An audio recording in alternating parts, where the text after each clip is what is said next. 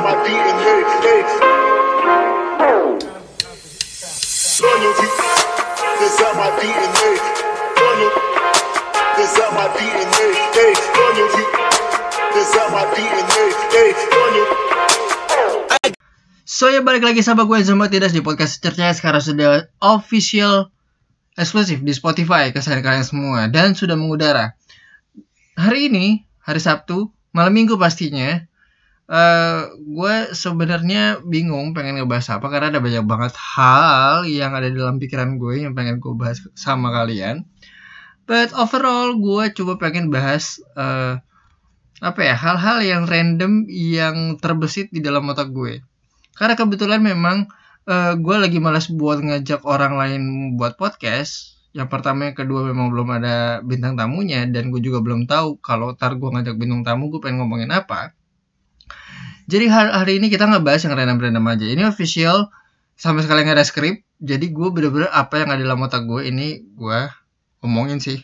Nah, jadi lo semua pada tahu gak sih? Ini pemikiran pertama gue adalah jadi lo semua pada tahu gak sih kalau misalkan kita sangat dekat dengan eh, bahasan-bahasan gaulnya anak zaman sekarang kayak sad boy atau sad girl, ya kan?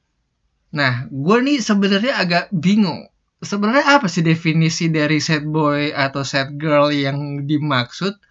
Karena kalau misalkan kita bahas dari peruntutan katanya, sad boy itu kan diambil dari dua kata. Ada sad sama boy atau girl ya kan? Sad itu berarti sedih, kalau misalkan boy sama girl itu berarti gender kan, eh, laki-laki dan perempuan. Nah, eh yang gua bingung di sini adalah eh mereka ini sangat banyak dan mereka ini mengklaim bahwa mereka ini sad boy atau sad girl. Kenapa sih kalian? Ada masalah apa? Karena setahu gue kalau misal kalian punya masalah hidup ya ujung-ujungnya mental illness gitu kan. Tapi kalau cuma sad boy atau sad girl kayaknya ini depresif tapi yang tidak terlalu tinggi. Misalkan kayak lo eh, denger lagu galau sedih, ngelihat adegan galau sedih. Pokok- Pokoknya hati lo itu terlalu melankoli sampai-sampai lo nggak bisa eh, ngebayangin bahwa ini tuh cuma film, ini cuma lagu dan ya udah gitu loh. Nah, sama sih kayak kayak orang-orang galau pada umumnya tapi eh, kalau gue pribadi kalau lo tanya apakah gue pernah jadi sad boy atau sad girl enggak. Nggak nggak tahu ya maksudnya gue nggak pernah mau mengklaim bahwa gue sad boy atau sad girl. Cuma yang jelas ketika eh gue ngedengerin suatu lagu dan tiba-tiba lagu itu menyentuh benak dan kalbu gue cailah menyentuh benak dan kalbu gue dan gue merasa lagu ini ada sedikit emosional yang terbangun antara gue dengan lagu ini ya gue akan sedikit meneteskan air mata atau ada beberapa adegan.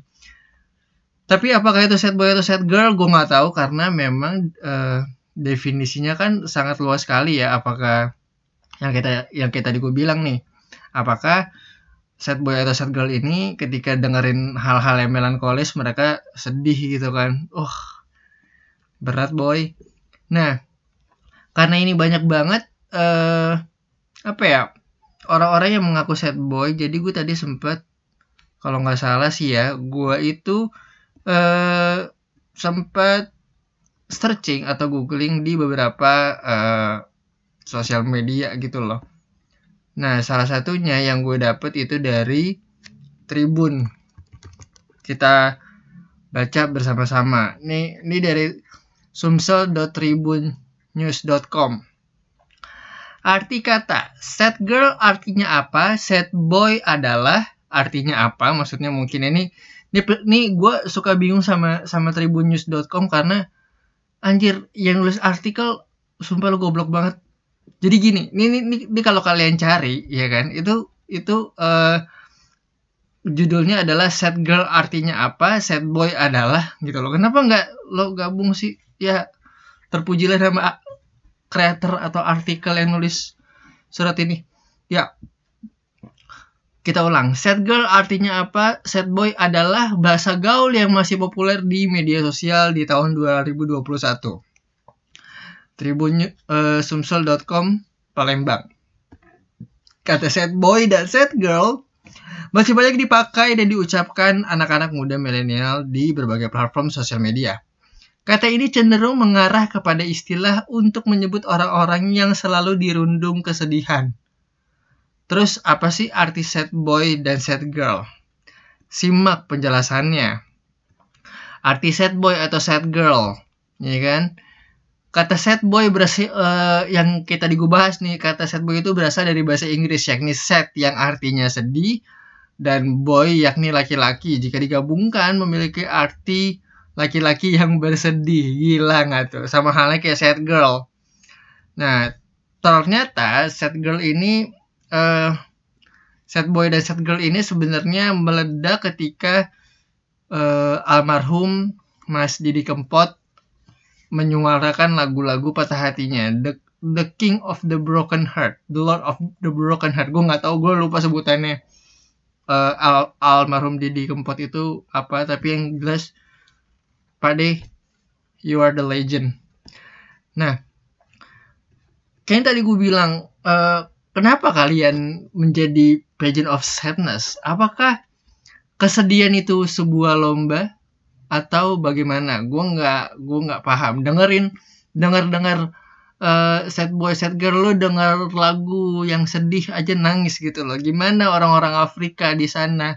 Mereka kelaparan, mereka kesusahan air, Apakah mereka bersedih? Saya tidak tahu.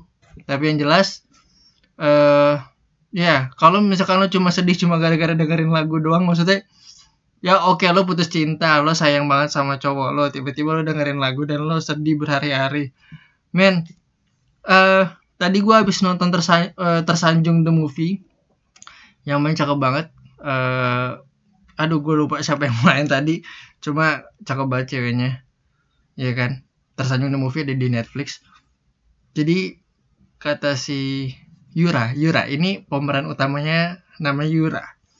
Jadi kata si Yura itu cinta itu bukan cuma uh, apa ya bukan cuma sekedar rasa sayang tapi ada sesuatu yang lo harus perjuangkan. Baik uh, mental, waktu, moral dan segala hal gitu loh. Jadi lo harus membiarkan cinta itu lo nikmati cinta itu gitu kan terus ya di mana ada cinta pasti ada patah hati gitu loh. Itu itu dua hal yang tidak bisa dipisahkan guys. Gitu kan? Jadi kalau misalkan lo nggak mau patah hati ya udah jangan jatuh cinta. Sebenarnya sesimpel itu sih. Ya kan? Nah kalau misalkan lo patah hati dan putusnya juga coba gara-gara hal yang sebenarnya receh men lanjut. Eh uh, apa ya gue ngelihat banyak orang yang patah hati cuma gara-gara kayak uh, tidak cocok. Bad gini deh uh, ini uh, lucu banget. Kalau misalkan gak cocok lo nggak mau kejadian sih. Itu yang pertama. Kalau emang gak cocok.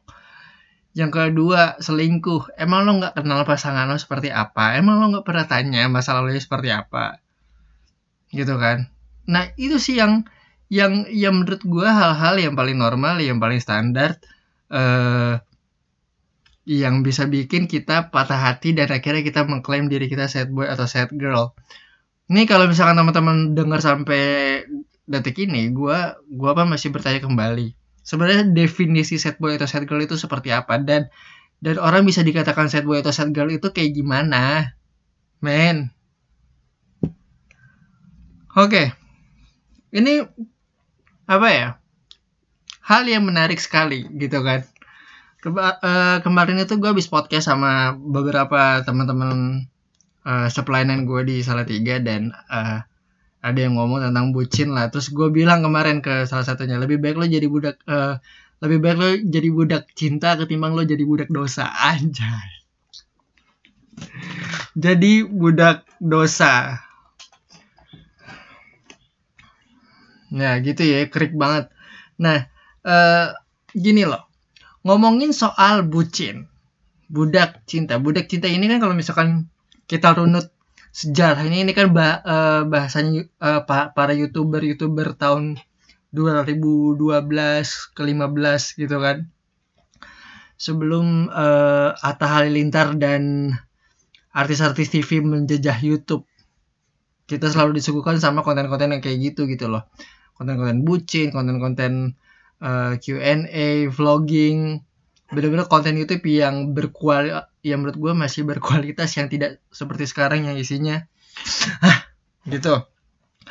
Eh ya ba- eh, balik kata bucin. Tadi gue sempat mention kayak kata bucin itu dibawa sama Andovida Lopez dan Jovialda Lopez yang mereka tergabung dalam skedi Indonesia 24 dan gue sadar betul bahwa iya juga ya gitu kan. Kita semua ini bucin men. Nggak ada yang nggak bucin contoh sederhana ketika lo eh, bucin adalah ketika lo eh, apa ya ketika lo mau tidur aja sih pa- pamitan gitu loh. Kayak aku mau tidur duluan ya gitu kan. Padahal mah lo kalau tidur mah tidur aja gitu lo tinggal bilang aku mau tidur ya sampai ketemu besok bye I love you. Gitu kan. Tapi kayak aku mau tidur duluan nih. Eh, aku pengen mimpin kamu. Aduh itu kalau gue punya cewek kayak gitu blacklist sih sumpah demi apa pun. Nah eh menurut gue bu, eh, bucin itu nggak masalah sih. Nggak masalah lo bucin karena yang tadi gue bilang lebih baik lo jadi budak cinta daripada lo jadi budak dosa. Ya nggak sih? Ya nggak sih? Gila gak sih? Keren banget gak sih?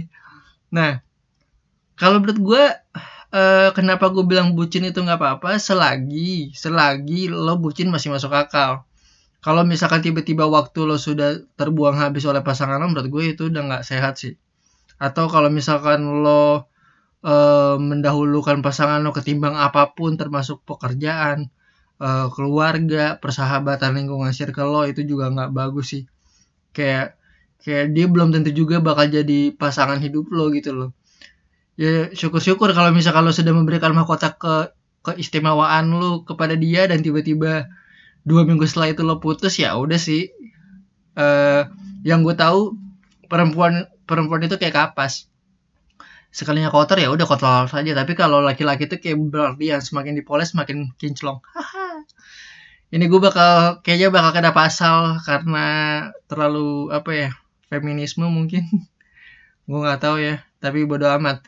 Nah balik ke soal bucin bucin menurut gue juga nggak apa-apa asalkan eh, hal-hal tadi tapi gue cuma bilang ke lo eh bucin lah yang berkualitas. Maksud gue ya udah ketika cewek lo nuntut sebenarnya ketika lo mengikuti pasangan lo apa ya gini gini bahasa ya ketika lo mengikuti pasangan lo yang menuntut lo iya kan yang menuntut lo untuk melakukan kehendaknya sebenarnya itu bucin sebenarnya itu bucin. Cuma gini kalau pasangan lo menu- menuntut lo untuk serius dalam kehidupan lo apakah itu termasuk bucin? Enggak men itu hal yang positif. Menurut gue itu hal yang positif banget. Dulu gue punya pacar yang kayak gitu. Ini gue eh, cerita nih jadi curhat nih kan. Ah! Ini gue jadi curhat ini gue jadi asik sendiri sumpah dah gak bohong. Eh jadi gue itu dulu punya pasangan nih yang menurut gue ini anak cakep banget asli cakep banget. Terus tiba-tiba dia ngomong kamu kayaknya harus fokus sama hidup kamu deh supaya kamu jadi bener. Terus terus, terus gue dengan PD-nya dan dengan sotonya gue bilang aku udah aku udah serius kok sama sama hidup aku maka makanya aku pacarin kamu. Tiba-tiba eh, gue gue eh, ini eh, apa namanya putus sama dia. Udah gitu doang kerik banget anjir bahasa gue tapi enggak eh, yang bikin gue tambah sedih adalah ketika ini ini ini ceritanya lucu. Jadi gue gue gue kenal sama pacar, eh, mantan gue ini dari sebuah pembinaan di di Bandung lah gitu kan. Kenal sama dia terus ya udah kita pacaran pacaran pacaran pacaran gitu kan. Nggak buset itu nggak ada kali enam bulan tuh. Nggak ada tuh si si lama hubungannya tuh kan. Habis itu udah eh, ada lomba lah di tempatnya dia. Gue ikutan gue ikutan. Gue jual eh, intinya gue gue bisa berbangga diri karena eh, eh, pada saat itu gue dan teman-teman gue ketika lombanya selesai gue juara tiga. Habis itu ini yang ini, yang drama sebenarnya pada saat gue lomba itu sudah putus. Dan gue putus itu sampai ke lomba itu eh, ada kali sebulanan lebih sebulanan setengah habis itu lomba. Nah eh, pas gue putus itu gue masih kayak ini tolol banget. Aduh ini gue buka aib sendiri sumpah. Jadi pas gue putus itu gue eh, berusaha untuk minta ba- balikin lah sama dia kan kayak ayo dong kasih aku kesempatan gini gini gini. Terus kata dia aku gak bisa. Oh iya gue sumpah. Itu kayak itu kayak per- perjalanan tertolol gue dalam hidup gue kayak kayak gue gue ngemis cinta anjing. Sampai sekarang akhirnya gue mikir bahwa ya udahlah cinta itu tidak perlu di apa tidak perlu ngemis. Nah abis itu udah nih gue lomba eh, intinya gue dan teman-teman gue juara tiga. Asik ya kan? Bangga dong ya kan? Dapat piala juara juara tiga men gitu kan? Bukan juara tiga favorit lagi gitu kan? Kayak ya udah gue bawa piala terus dengan dengan dramanya gue mau bawa itu piala gue pengen, gue pengen pamerin ke ke mantan gue ini dan dia lagi ngobrol sama laki-laki lain kayak oh my fucking god itu drama banget akhirnya.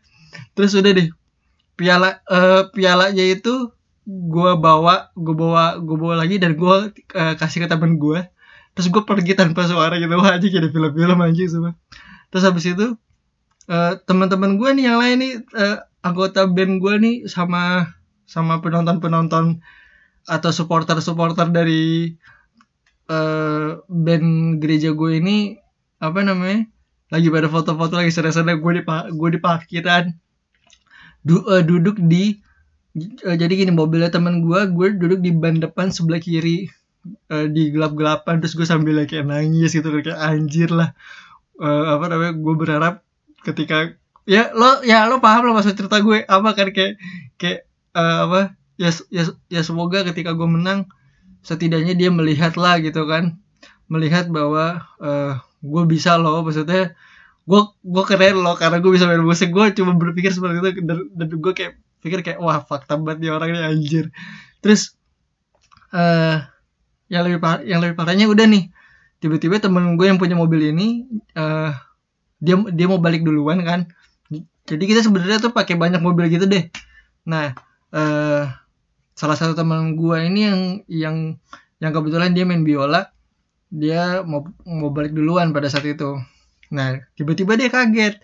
Waktu dia mau naruh biolanya gue ada di eh, di di di mobilnya dia gitu kan. Habis itu udah di anjing ini gue buka gue sendiri gila. Habis itu udah nih kayak terus eh, apa namanya? Wah. Wah sorry guys gue habis buka WhatsApp tadi. Eh ya. Eh gue akhirnya ketika dia habis dari itu dia dia bawa biolanya terus eh Jo lo ngapain di sini? Kalau sendirian? Kalau gak ikut foto-foto sama yang lain sih? Enggak. Gue apa lagi fakta banget. Anjir sumpah gue drama banget gila. Aduh aduh. Terus udah nih. Udah udah yuk eh, kita di di apa dituntun sama dia kan. Udah lu apa nggak usah sedih. Udahlah kalau bisa cari yang lain lu lu kan ganteng bla segala macam. Oh, kayak gitu deh. Dihibur kayak gitu. Terus di bawah nih eh guys gue duluan ya gitu kan. Jadi gue pas itu dia yang yang yang kayak tadi gue bilang dia dia apa namanya eh, bawa gue ke ke apa pokoknya kayak gue bukan ditandu sih kayak dituntun untuk balik lagi ke ke apa keramaian teman-teman gue itu.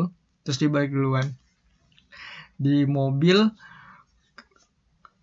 lebih lucu lagi karena teman gue me- eh, apa ya? Ya ya gue akhirnya gue diingatkan kembali sama teman-teman gue kayak udah Lanzo lo lu lu apa bisa cari yang lain lah gitu kan. Terus yang yang apa yang bikin gue fakta hancur berantakan gue lupa waktu itu dia dia masalah gue apa dan gue tiba-tiba ngocor nangis sesegukan kayak anjing ya sumpah itu gue kalau gitu-gitu itu gue malu anjir kayak kayak padahal gue ya ya udah. Nah karena karena pengalaman-pengalaman seperti itulah ya akhirnya gue yang ketika gue putus eh apa ya gue lebih belajar ikhlas sih. Karena yang yang gue tahu cinta itu butuh keikhlasan gitu kan. Ketulusan eh apa ya tingkat ketulusan tertinggi adalah ketika lo bisa ikhlas dengan patah hati lo. Akhirnya ya udah gue semakin ke sini sini semakin cuek aja kayak oh ya udah lo putus putus silakan. Tapi gue tetap kayak setidak setidaknya gue masih punya usaha untuk memperbaiki. Tapi kalau emang ceweknya nggak mau ya udah. Cinta itu nggak perlu dipaksa. Nah itu itu pengalaman apa ya pengalaman pengalaman bucin tergoblok sih. Dan itu itu menandakan bahwa gue tidak tidak ada harga dirinya sama sekali nah balik lagi. Jadi menurut gue bu, uh, bucin itu nggak apa-apa asal lo tidak merugikan banyak orang yang pertama. Yang ke yang kedua lo tidak terjebak dalam kebucinan lo itu.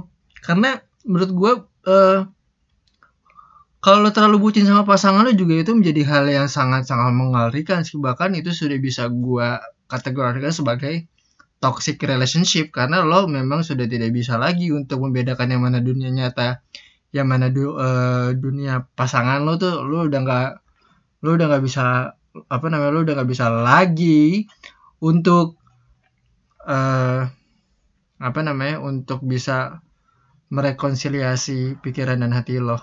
Cih, bahasa gue tinggi banget tai.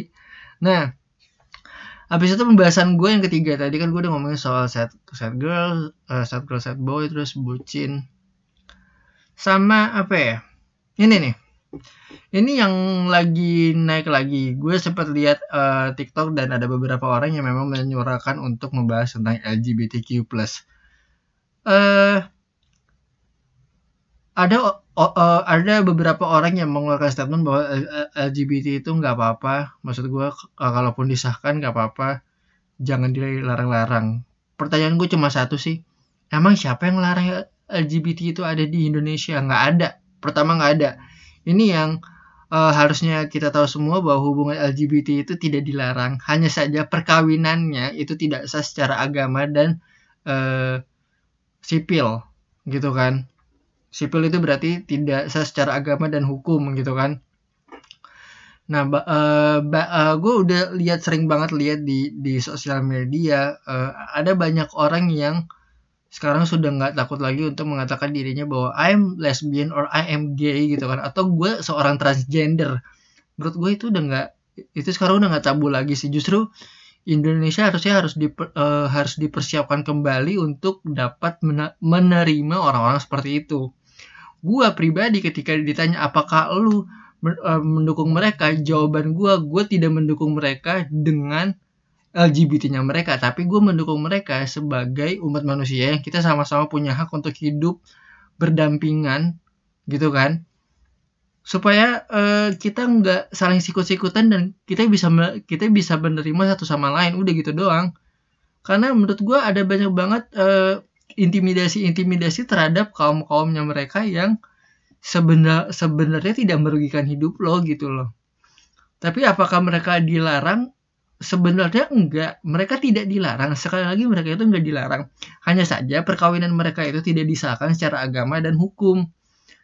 Uh, lo bisa lihat kok uh, ada banyak lo bisa cari hashtag di di sosial media lo ada pen ada pen seksual atau uh, ya yang paling umum yang yang paling umum dan yang sekarang lagi naik adalah panseksual sih.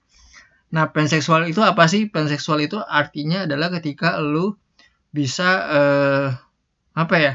Kalau bahasa gampang, kalau bahasa gampangnya sih biseksual ya. Biseksual, tapi uh, orang ini apa ya? Kalau panseksual itu lebih berani sih kalau menurut gua. Iya, panseksual itu lebih lebih berani untuk mengambil tindakan serta perbuatan gitu loh Nah, kalau misalkan biseksual itu ya nggak ada bedanya ya kalau biseksual sama panseksual ya. Karena menurut gue mereka kalau ter, kalau tertarik ya udah tertarik aja gitu. Even even sesama jenis pun gitu loh. Dan apakah itu salah? Menurut gue enggak. Enggak salah selagi lo tidak sukanya sama gue gitu kan karena I'm totally straight. Gue sempet kayak mau coba kayak bisa gak sih gue jadi biseksual terus waktu itu gue nyoba sama kayak sama teman gue gitu kan yang yang emang gitu ternyata gue nggak bisa men nggak bisa gue uh, genetiknya gue emang doyannya perempuan. Tapi apakah salah? Enggak sih. Enggak salah. Ini gue udah sampai udah ngomong berkali-kali tentang salah apa enggaknya.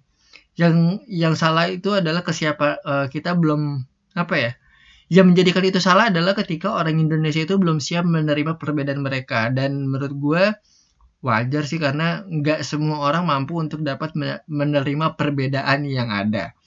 Nah, salah satu bukti kemajuan bangsa Indonesia adalah ketika kemarin ada seorang perempuan, Aprilia Manganang kalau nggak salah ya namanya. Kalau misalkan gue salah sebut nama, gue uh, mohon maaf.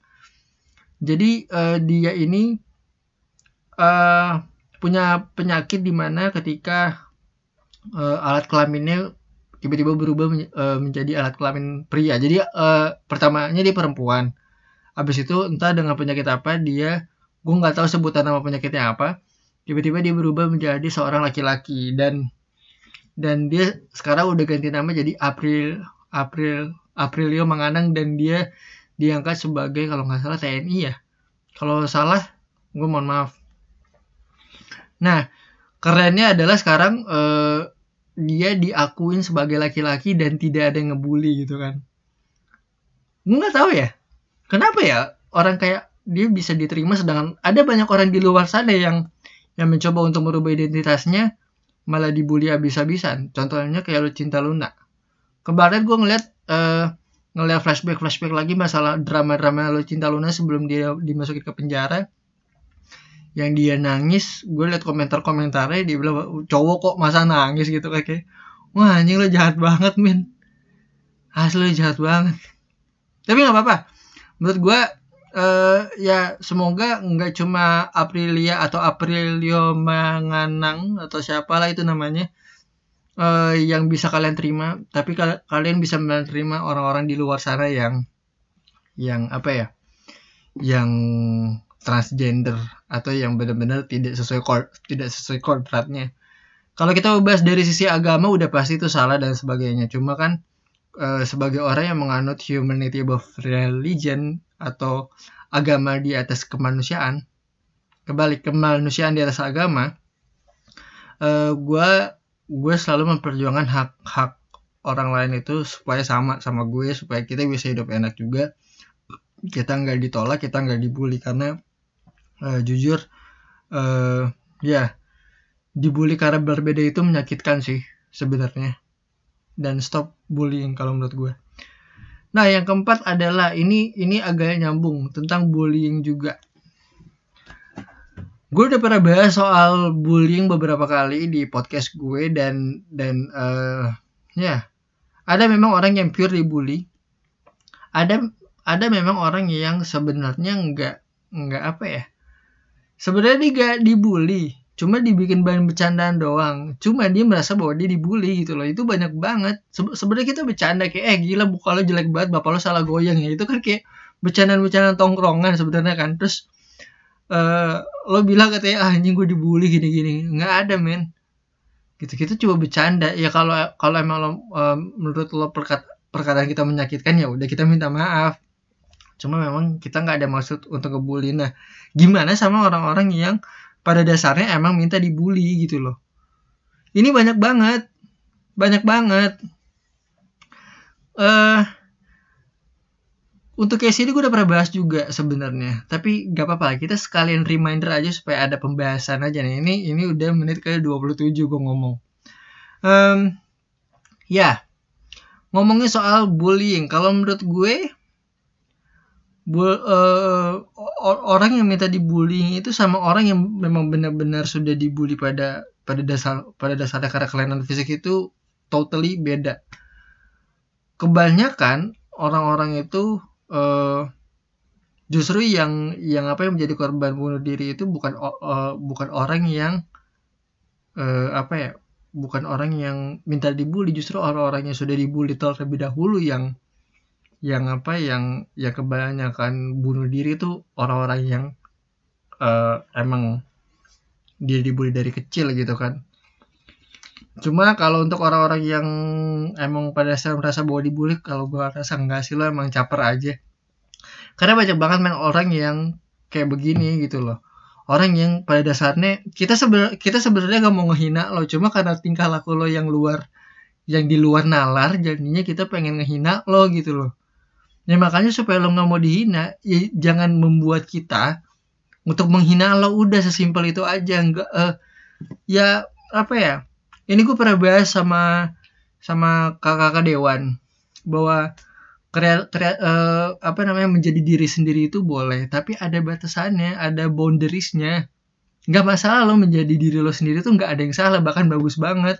Cuma ketika lo me- mendeliver eh, menjadi diri lo sendiri itu ke hal yang nggak wajar dan nggak cocok sama lo ya udah siap-siap. Eh, ya mending kalau misalkan cuma nggak cocok doang terus udah nggak cocok dengan PD-nya lo taruh di sosial media gitu kan. Terus akhirnya eh, banyak orang yang mungkin pada dasarnya ngeliat lo anjing nih anak lucu banget gitu kan. Terus akhirnya lo lo, lo eh, sebenarnya lo coba dibercandain doang tapi akhirnya lo merasa bahwa itu dibully. Ya itu lo baper doang sih sebenarnya bukan lo merasa dibully gitu kan.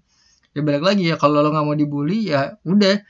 Jangan ngelakuin hal-hal yang aneh yang memancing orang untuk ngebully lo gitu. Karena ini gue udah ngomong ke eh, dari episode gue sebelumnya. Episode gue dua minggu lalu kayak kayak apa namanya apa pun yang lo taruh di sosial media itu itu sudah menjadi hak eh, kita sebagai netizen sebagai warga net yang apa yang bisa menilai karya lo termasuk podcast yang gue buat sekarang. Ya lo bisa bilang bahwa ah Enzo sotoy banget gini gini gini Enzo alay apa segala macam. I don't really care gitu kan.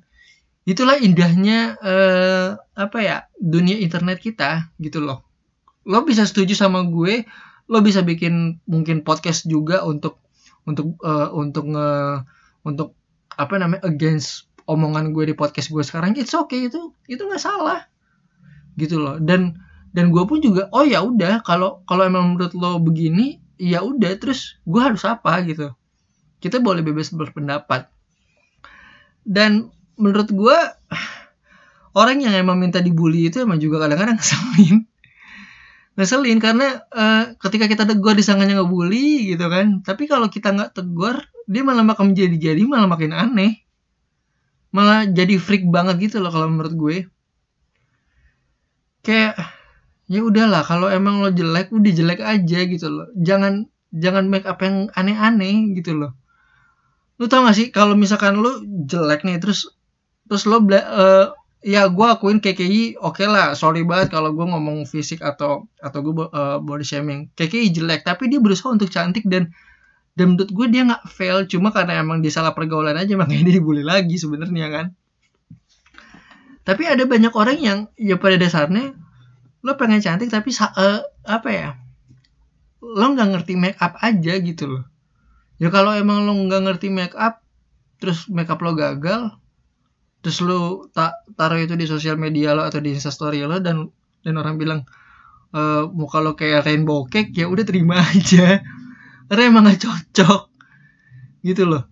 Nggak cocok men. Jadi menurut gua ya udah ya udah kalau emang lo pengen cantik cobalah lihat. Maksud gua kan kalau ini kalau kalau kita ngomonginnya konteks cewek ya ya ber, berdandanlah sesuai sama bukan sama selera lo sih sebenarnya lebih kayak berdandanlah sesuai dengan kontur muka lo gitu loh. Kalau emang muka lo nggak cocok pakai foundation ya udah jangan pakai foundation pakai semen coba. Kalau nggak pakai semen pakai pakai tepung tapioka tuh. Iya kan? Nah kalau cowok nih nih cowok yang gue paling males nih gue nggak tahu cowok tuh aduh kadang-kadang gue juga sakit-sakit apa suka sakit kepala kalau ngomongin tentang gay-gay cowok sih kayak kalau cowok tuh apa ya jiwa kompetitif sih kalau menurut gue kalau cowok tuh ya. Kalau cewek ini, ini, ini gini nih. Lo bayangin kalau misalkan di satu circle lo ada ada cowok yang jiwa kompetitifnya tinggi sedangkan cewek jiwa gengsinya tuh tiba dan ketemu udah tuh. Perang dunia tuh iya kan? Ibarat Palestina sama Israel tuh, tuh. Perang. Nggak bakal cocok sumpah. Kalau nggak debat ih gue kalau ada tongkrongan kayak gitu gue cabut sumpah. Ini cowok-cowok yang yang gue selalu bilang adalah jiwa kompetitif kayak kayak buat apa sih? Lo pengen kelihatan ganteng? Enggak men. Selagi lo masih pakai motor beat dan motor beat lo dikasih bannya terlalu kecil gitu kan kayak lidi. Ini gue jujur men gue eh, waktu itu gue pulang kantor lewat galaksi biasa karena emang eh, apa namanya emang kantor kantor gue itu eh, eh, apa tracknya itu dari rumah gue emang harus lewat galaksi gitu kan. Sebenarnya bisa lewat jalan lain cuma kan muter jauh. Yang paling dekat lewat galaksi. Gue waktu itu ngeliat di depan rumah sakit. Ini kalau teman-teman yang tahu rumah sakit Hermina Galaxy nih itu kan jalanannya gede tuh ya. Eh ngeliat ada cowok tanggung. Gue nggak tahu apakah dia dia dia masih SMA atau udah enggak cuma dia pakai motor beat warna-warni. Ya oke itu selera lo nggak apa-apa nggak masalah. Gue apa nggak bakal komentar. Cuma pas gue lihat ban motornya itu ya allah udah kayak lidi anjir. Itu rasanya ya. Itu ini gue sampai gue sampai speechless. Itu rasanya pengen gue tabrak dari belakang. Karena kalau gue tabrak dari belakang itu udah pasti jatuh. Karena karena apa ya, itu motor kayak bebek men. Gitu kan. Bebek kan gitu ya.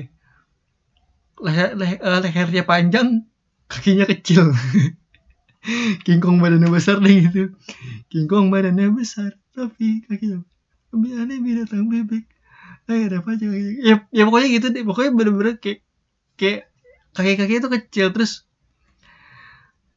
ada lo emang gak sayang motor lo apa? Gitu ya oke lah itu selera lo nggak apa-apa. Gue apa gak bisa gue nggak bisa komentar. Cuma boy orang tua udah ya ya anggaplah bahwa lo masih dikasih duit sama orang tua. Ya lo kalau dikasih duit sama orang tua untuk beli motor ya udahlah. Dimodif sewajarnya. Jangan uh, lo motor lau sebenarnya motor Beat atau Mio lo bikin speknya kayak speknya motor uh, R25 coy. Nggak cocok. Gitu kan.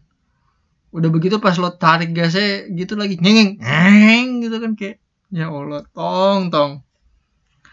Terus uh, yang terakhir adalah gue pengen komentarin tongkrongan. Ini yang paling seru sih kalau menurut gue apa ya? Gue tipikal anak yang se uh, ya sebagai anak rumahan gue bisa dibilang the president of anak rumahan in Indonesia karena gue emang gue gue gue sebenarnya apa ya gue tuh malas keluar gitu loh. Gue malas keluar gue coba pengen di rumah. Karena kalau gue di rumah tuh gue, gue bisa ngerjain banyak hal. Gue bisa nonton gue bisa main PS gue gue juga mungkin bisa bikin lagu atau sekarang gue lagi bikin podcast. Gitu kan. Terus apa, apa hubungan sama tongkrongan? Ya uh, ya itu ya itu kali ya. Mungkin karena gue jarang nongkrong dan sekalinya gue nongkrong ya udah ngeliat teman-teman gue sibuk sama handphonenya dan menurut gue kayak wah anjing gue tahu gitu gue di rumah gitu loh.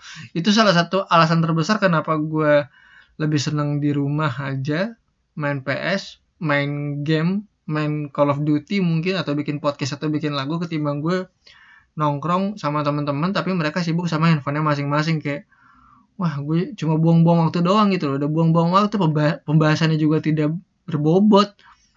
Buat apa gitu kan? Ini kalau misalkan kita ngomongin hal-hal dewasa gitu loh kayak kita ngomongin investasi atau saham atau kita ngomongin tentang reksadana oke okay lah. Tapi kalau misalkan cuma nongkrong gue cuma ngeliatin lo main handphone dong buat apa boy? Gitu kan? Itu sih alasan gue terbesar kenapa gue pengennya di rumah aja.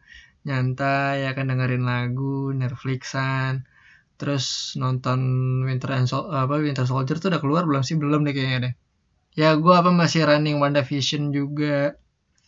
Uh, ya pokoknya gitu. Lebih nyaman uh, jadi anak rumahan sih gue.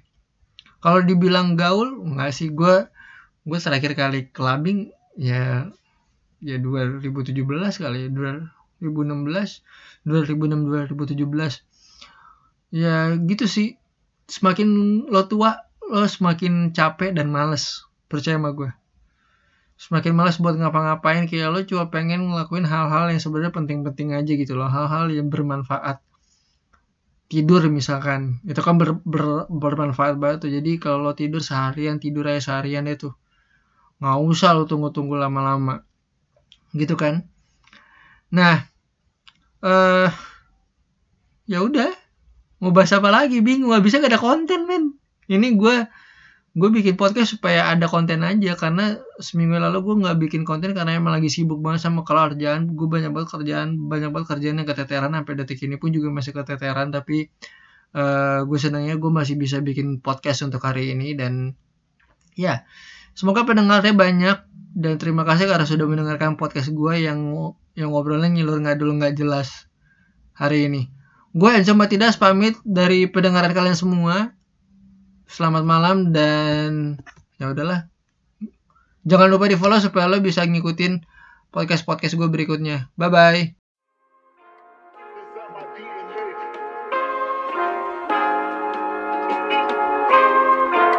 Is that my